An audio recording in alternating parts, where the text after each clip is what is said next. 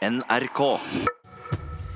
Agnes Moxnes, du skal få eh, utdype om noen få strakser. Dette handler altså om at kunstner Bjarne Melgaard og Snøhetta arkitekter har bestemt seg for å bygge det omstridte dødshuset i utlandet. Etter sju år med naboprotester sa Oslo kommune nei til dette huset i fjor. Nå kan det havne i Østerrike eller et annet europeisk land, sier Melgaard. Altså det som vi har fått Vi har jo fått flere forespørsler, både fra inn- og utland. Og det virker jo nå som at det blir bygd ute. Kunstner Bjarne Melgaard står og maler på fire digre bilder i sterke neonfarger i atelieret sitt i Oslo. Etter 20 år i utlandet flyttet han tilbake til Norge for å bygge og bo i det mye omtalte Dødshuset som han har tegnet. Har du ikke hørt om Dødshuset? Ok, Dødshuset er en skremmende og kantete bygning av svartbrent tre som står på hvite søyler av figurer kjent fra Melgaards egen kunst. Det skulle være et nyskapende hus på alle måter, utviklet i samarbeid med Snøhetta-arkitekter, noe verden før ikke hadde sett, og i hvert fall ikke i Norge. Det hadde blitt noe som hadde kunnet tilføre Oslo veldig mange ting. Og vært både spennende kunstnerisk og arkitektonisk. Problemet var bare at tomta til dødshuset ligger tett opptil noen kunstnerboliger på Oslos vestkant og Edvard Munchs gamle atelier. Og etter flere år med naboprotester sa politikerne nei til prosjektet i august i fjor. Til Olav Selvåg i Selvåg-gruppens store irritasjon. Vi har brukt uh, syv år uh, og godt over syv, uh, fire millioner kroner på, på, planarbeid. Så ble det bare sagt at vi vil ikke behandle det.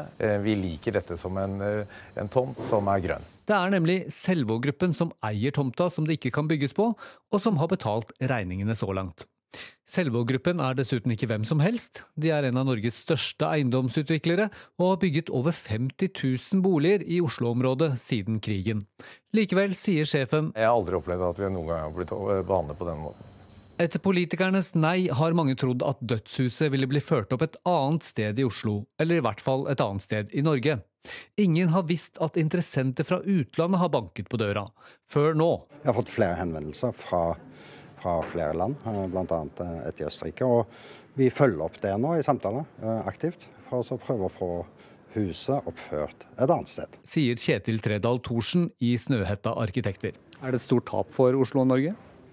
Jeg vil jo si at uh, i alt det som handler om nyutvikling, å kunne lære nye ting og se på ting i en ny kunstnerisk sammenheng, når en sier nei til den type ting, så går en glipp av både kunnskap, innsikt og ikke minst eksperimenteringen som ligger i bunnen ved gjennomføringen av et sånt prosjekt. Bjarne Melgaard selv utelukker ikke at han vil bli med dødshuset ut av landet, på tross av at han nettopp har flyttet tilbake til Norge. Det, det får vi jo se på, da.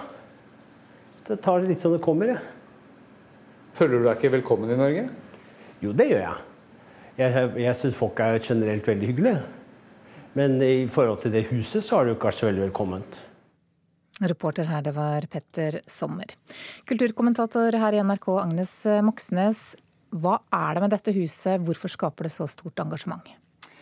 Eh, først og fremst fordi at det er et veldig rart og pussig hus. Helsvart Eh, eh, heter Et hus å dø i, har blitt til Dødshuset på folkemunne. Veldig mange vet eh, hvem det er. Men det mest interessante med dette huset her er jo hvilke krefter som står bak det. Som har jobbet med det nå i syv-åtte år. Det er ikke noen hvem som helst. Vi har Selvåg-gruppen som har altså 70 års erfaring med å koble kunst og bolig gjennom sine borettslag. Det er Snøhetta, mest kjent her her i landet for å tegne ut operaen, men de jobber jo verden rundt med prestisjetunge bygg. Og i tillegg da den omdiskuterte og kompromissløse kunstneren Bjarne Melgaard. Så dette er et helt originalt og rart bygg. Mm, men hvorfor mener de at det er så viktig å sette opp huset akkurat der de har planlagt? De sier ikke det, eh, men eh, det er liksom det som har vært tomten der, det som har vært utgangspunktet. Nå kom det aldri til en politisk behandling i Oslo kommune om hvor bygget skulle, om det, man kunne faktisk sette det opp der eller ikke. Eh, og Derfor så har man ikke fått prøvd det. Og jeg tror at en av grunnene til at man nå leter, eller blir, går for en utenlandsk løsning, det er jo at veldig mye av den eh, skal vi si, kampanjen for å få stoppet dette bygget har handlet om personen og kunstneren Bjarne Melgaard. Ja, for det var jo sånn at Etter flere år med krangling så sa politikerne altså et endelig nei til prosjektet i august i fjor, før saken var behandlet i bystyret. Er det noen mulighet for at avgjørelsen kan bli omgjort for å hindre Melgaard i å flytte dette bygget ut av landet? Det tror jeg skal ganske mye til. Jeg skulle ønske det var sånn at det kom noen nå og sa at vi vil ha det bygget, og det skal ligge der. Eh, fordi det er, det er sterke krefter og gode krefter i Norge som har jobbet med det.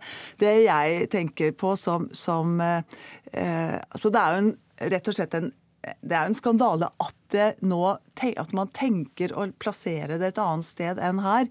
Og det eh, Grunnen til at jeg syns det er skandaløst, det er litt av det Erna Solberg sa da hun presenterte regjeringsplattformen nå før helgen. For da sier hun at vi er nødt til å tenke fremover. Vi er nødt til å, å skape en ny økonomi. Og måten vi gjør det på, det er at vi kobler eh, kreative krefter eh, som eh, tenker originalt, og som tenker over sine egne grenser. Dødshuset er et helt prima eksempel på eh, hva som skjer når originale krefter og, eller kreative krefter jobber sammen. Da får man det høyst originalt, og man vet ikke hva det ville ført til. Og det får vi da antageligvis ikke sett her i landet. da. Ja, men hva er det vi taper da? Nei, vi taper, For det første så taper vi selve bygget. Eh, denne blandingen, denne rare blandingen av et kunstverk, en skulptur og et bygg. Eh, eh, vi, det er som å si at vi liksom skulle sagt nei til Edvard Munch fordi han malte og gjorde ting som provoserte oss. Og det holder ikke å si nei takk, dette vil vi ikke ha. Og jeg syns man må gå etter den politiske, eller mangel på politiske behandlingen av dette her. For den kom aldri opp til en politisk behandling i bystyret i Oslo. Det ble stoppet av en blanding av Fremskrittspartiet og eh, det sittende byrådet. Eh, og det er under enhver kritikk, så jeg skjønner godt at Olav Selvåg reagerer på det. Kan vi lære noe av denne prosessen? Ja, Det syns jeg vi skal. Eh, og det er en av oppgavene også til, til, politikere fremover. For hvis man mener noe med at, man, at, kunsten er eh, fri, så er man rett og slett også nødt til å la kunsten være det. Takk skal du ha, kulturkommentator her i NRK, Agnes Moxnes. Og du kan se bilder av dette huset på nettsidene våre nrk.no.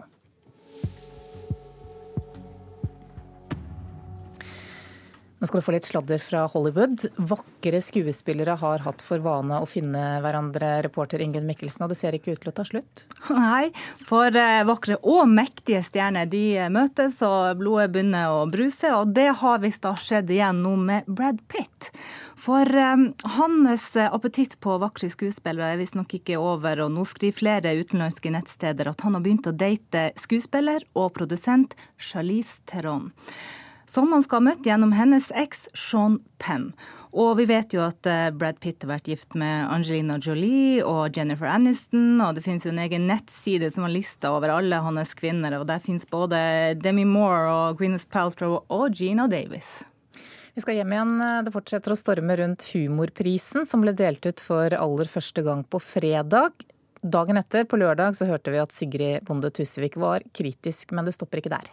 Ja, Det siste nå det er at eh, flere komikere med innvandrerbakgrunn reagerer på at ingen fra deres eh, miljø var nominert eller invitert til eh, festen. Og blant dem er Josef Hadoui, som er kjent fra serien Svart humor på NRK. Jeg, jeg, har ikke lyst til å være noe bitch eh, som sier det her. Og jeg går aldri i en offerrolle om at hei, hvorfor er det sånn og sånn. Og det, men akkurat nå så tenker jeg hva med de som kommer etter meg? Skal de liksom gå igjennom den samme jævla eh, mølja og med usikkerhet og ikke vite og ikke føle seg anerkjent? Jeg tenker på fremtiden og jeg tenker på de nye talentene som kommer nå, som ikke veit helt hvor, hvordan de skal komme seg inn i bransjen og at de føler seg ikke, at de ikke blir hørt. Da må noen steppe opp og noen må ta den krigen der, og da kan jeg godt gjøre det. altså. Men han var ikke den eneste som var eh, kritisk?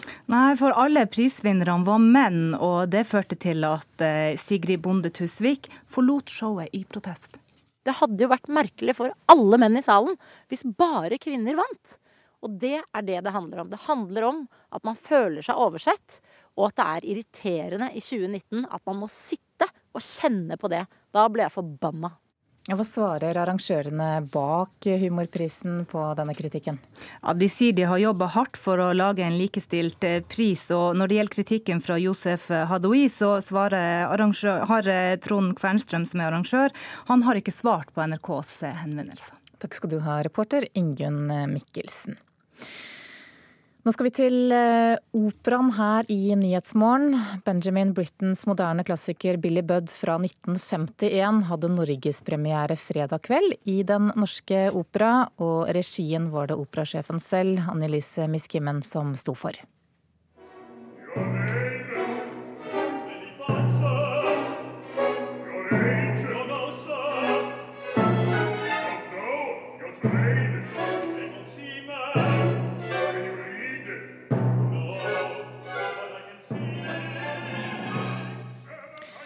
Dette er altså fra fredagens premiere på Billy Budd i Den norske opera. Der var også du eh, anmelder, Øystein Sandvik. Hva var hovedinntrykket når, eh, da teppet gikk ned? Altså, hovedinntrykket er at dette er en forestilling hvor veldig mye klaffer. Det er fremragende solister i de tre hovedrollene, men generelt stort sett bare sterke sangprestasjoner.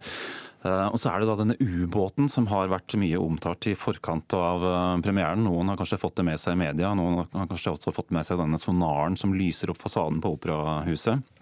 Den leverer. Det blir en spektakulær og visuelt effektfull scenisk ramme for de eh, mellommenneskelige problemer som kan oppstå når menn stues tett sammen. Ok, Det skal få utdype, men først litt mer om selve operaen. Benjamin Brittens Billy Budd fra 1951 har altså aldri blitt spilt tidligere her i landet. Hva slags opera er dette her? Altså, Benjamin Britten må etter min mening regnes som den viktigste operakomponisten etter andre verdenskrig. Og Billy Budd er i ferd med å erobre en posisjon som Brittens viktigste opera i det store formatet, til tross da for at den har bare menn på scenen. Det er jo det som er litt spesielt med, dette, med denne operaen, og kanskje også noe av grunnen til at man har vegra seg for å sette den opp. Den er basert på Herman Melvilles siste og ufullførte roman, 'Billy Budd', og handlingen utspiller seg da i et uh, britisk krigsskip under napoleonskrigene på slutten av 1700-tallet. Og Billy, Billy Budd han er denne, denne, unge, vakre, gode, kjekke sjømannen som alle forelsker seg i, men som da ender opp med å bli hengt for å ha nærmest uaktsomt drept en uh, offiser. Men det er en opera som fremstiller liksom, Du har mange av hovedtemaene hos, hos, Benjamin Britten her. Det er liksom krigens elendighet. Britten var jo pasifist. I tillegg da til, um, til outsider-posisjonen som han utforsker igjen og igjen. Den mistilpassede, hvor homofilitematikken, som var en del av Britens eget liv, er tydelig til stede. Og regissør Annelise Miskimmen har altså flyttet handlingen fra Napoleons dager frem til andre verdenskrig, og plassert mannskapet nede i en uh, ubåt. Hvordan fungerer dette grepet?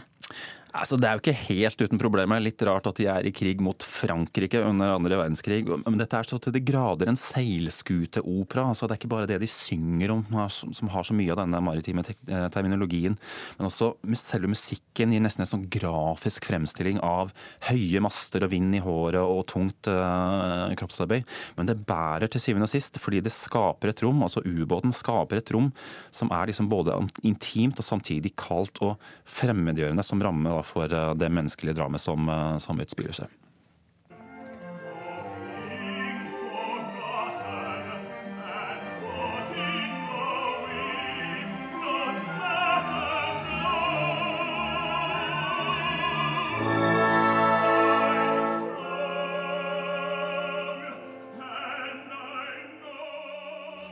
Dette er den sørafrikanske barytonen Jack Imbrilo i rollen som den dødsdømte Billy Budd. Hva syns du om hans prestasjon, Øystein Sandvik?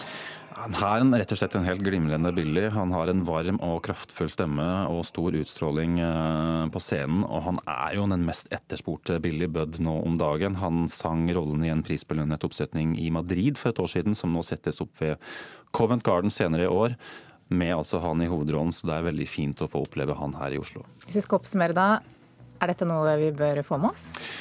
Her er det veldig mye flott over hele fjøla. Det eneste som trekker litt ned, er litt rusk i maskineriet hos orkesteret. Bortsett fra det så er dette en flott forestilling. Takk skal du ha, anmelder Øystein Sandvik.